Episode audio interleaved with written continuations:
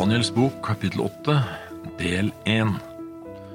Når vi nå starter på kapittel 8, så er det greit å vite at Daniel her går tilbake til å skrive på hebraisk. Han hadde jo skiftet språk i kapittel 2, siste delen av vers 4. Så skriver han på arameisk ut kapittel 7. I vers 1 så står det i kong Belsasars tredje regjeringsår fikk jeg Daniel se et syn, et som kom etter det jeg før hadde sett. Igjen er Daniel nøye med å presisere. Det var i Belsasars tredje regjeringsår, og det var et nytt syn, for det kom etter det han før hadde sett, som jo var synet i kapittel syv. Det første synet var i det første året, det andre i det tredje året. Med andre ord var det to år imellom synene. Jeg så i dette synet at jeg var i borgen Susan i landskapet Elam. Videre så jeg i synet at jeg var ved elven Ulai. Daniel fikk syn i det tredje regjeringsåret, fysisk befinner han seg altså i det babylonske riket, men i synet så flyttes han på en måte i gåseøynene inn i dette her medo-persiske riket, her i kapittel 8 vers 2. Han var ved borgen Susan i landskapet Elam, ved elven Ulai. Susan var ifølge Esters bok kapittel 1 og vers 2 borgen der Perserrikets konge Asverus hadde sin trone. Med andre ord så var det hovedstaden i Persia. Vers tre, jeg løftet mine øyne og se en vær sto foran elven. Den hadde to horn, begge hornene var høye, men det ene var høyere enn det andre, og det høyeste vokste sist frem. Det var én vær, men den hadde to horn. Ifølge Gabriels forklaring i vers 20 sier han at væren er kongen av Media Persia. Den mediske delen var jo først, men den var minst. Det største var det persiske, men det vokste sist fram. I kapittel syv reiste bjørnen seg på den ene siden. Fra 539, da Belsazar ble styrtet og mederne og perserne overtok riket, og fram til år 522, med andre ord i 17 år, så var alle kongene medere bortsett fra Kyros, som var halvt meder og halvt perser og fra 522 til år 331, altså i nesten 200 år, så var hver eneste konge perser. Vers 4 «Jesu så væren stange mot vest og mot nord og mot sør. Ingen dyr kunne stå seg mot den, og ingen kunne berge noen fra dens vold. Den gjorde som den ville, og den ble stor og mektig. At den gjorde som den ville, betyr ganske enkelt at han hadde makta. For det er først da du kan gjøre som du vil og det er verdt å merke seg, for når vi leser videre i Daniels bok, møter vi utsagnet flere steder. Vern stanget mot vest. De erobret Babylon i 539. Mot nord Lydia i 546, og mot sør, det var Egypt i 525.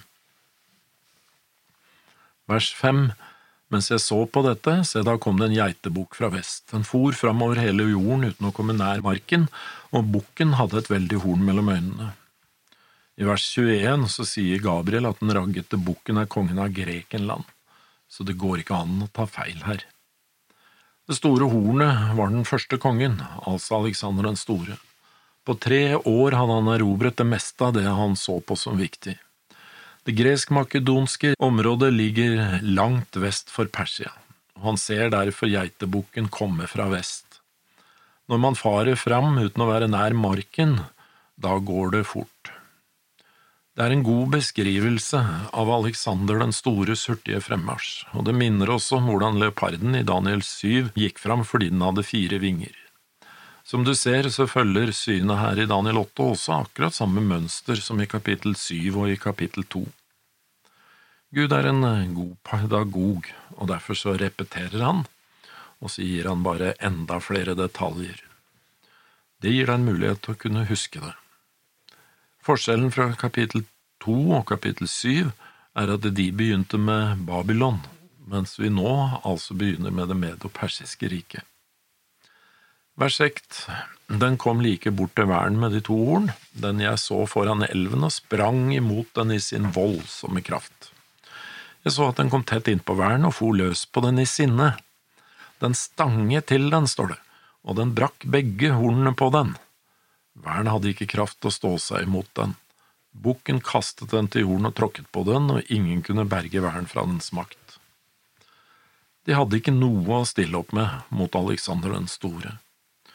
Geitebukken ble altså overmåte mektig, men nettopp som den hadde nådd sin fulle styrke, så ble det store hornet brukket av.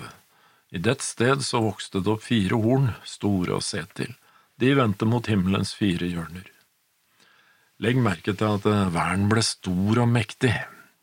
Geitebukken ble overmåte mektig.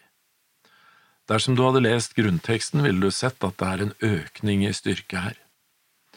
Om vern er det bare brukt ordet gadal, om geitebukken så er det brukt ad-gadal.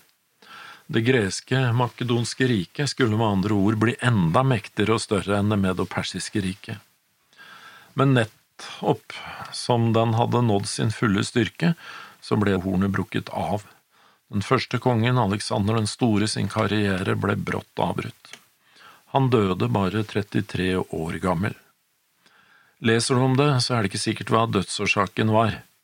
Noen foreslår malaria eller tyfoidfeber, men jeg tror de aller fleste er ganske enige om at han levde et utsvevende liv med mye alkohol, og det hadde nok tært på kongen.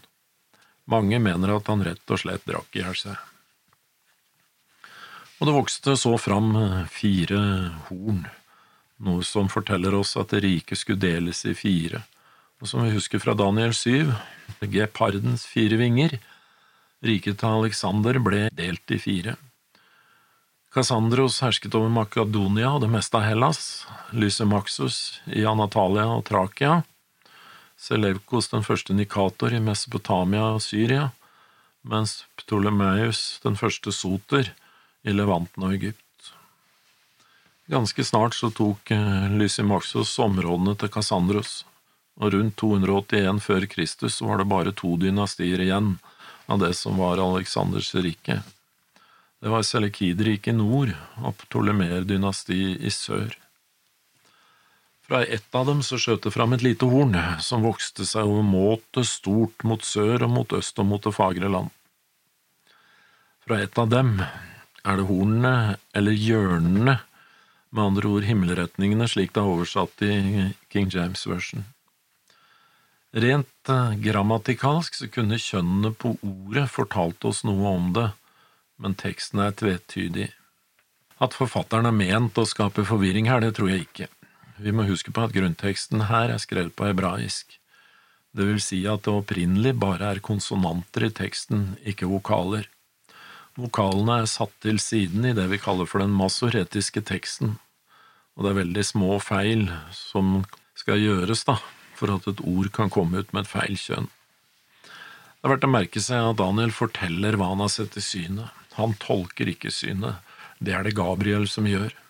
Han forklarer, og i sin forklaring så sier han bare, og det er i vers 22, når dette hornet ble brukket av og det kom fire andre i ditt sted, så betyr det at fire kongeriker skal oppstå hans folk, men ikke med hans kraft og i den siste delen av deres herredømme, når overtrederen har fylt sine synders mål, skal det stå fram en konge med frekt ansikt og kyndig onde råd. Ingen av de fire hornene, selv at det bare var to igjen, nådde opp til Aleksanders rike i størrelse og kraft. Og Det indikerer for meg at det lille hornet ikke kommer fra et av dem. Det er konteksten, altså sammenhengen, som må fortelle oss litt mere. Vi må se på kjennetegnene på det lille hornet dersom vi ønsker svaret. I de fleste bibler så står det en fotnote her i vers 9.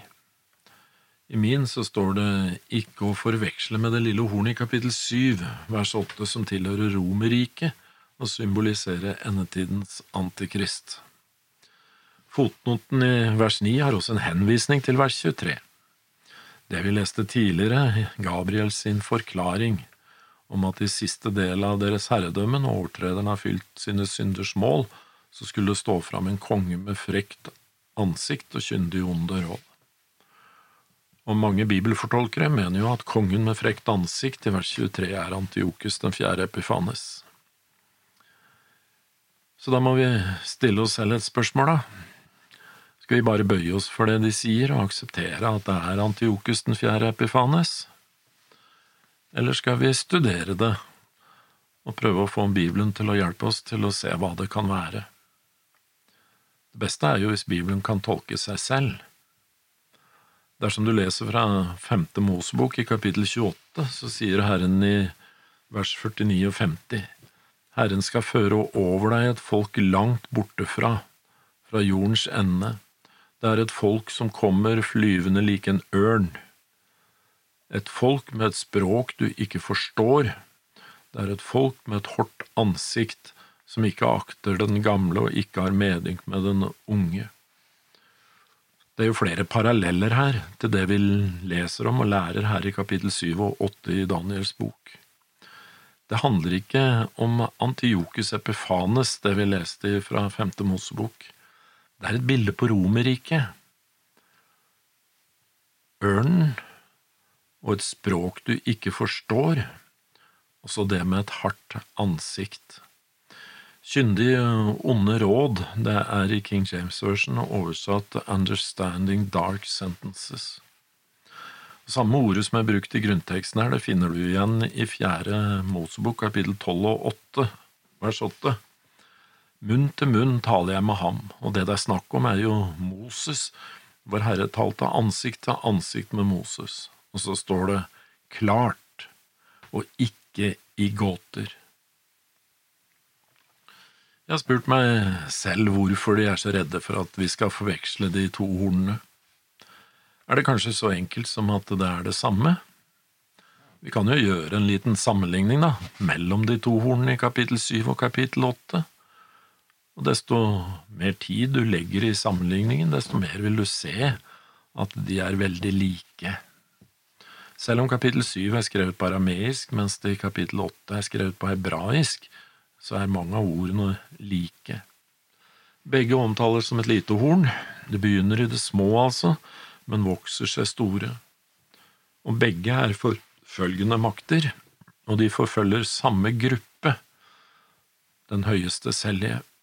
Begge er selvopphøyende, blasfemiske makter, og de er intelligente. Og begge er faktisk den siste makt på denne jorden, de er her ved Jesu andre komme og de har eh, med en profetisk tidsperiode å, gjøre. Hadde himmelen eller Daniel ønsket å skille mellom de to hornene i de to kapitlene, så kunne de veldig lett valgt å gjøre det. Men de gjør ikke det. Men med så mange likheter, så er det ikke rart at bibelfortolkerne trenger en fotnote, når de mener at det er to forskjellige makter. Men jeg stiller meg selv et spørsmål. Er det to forskjellige makter? Vi skal se litt mer på det neste gang.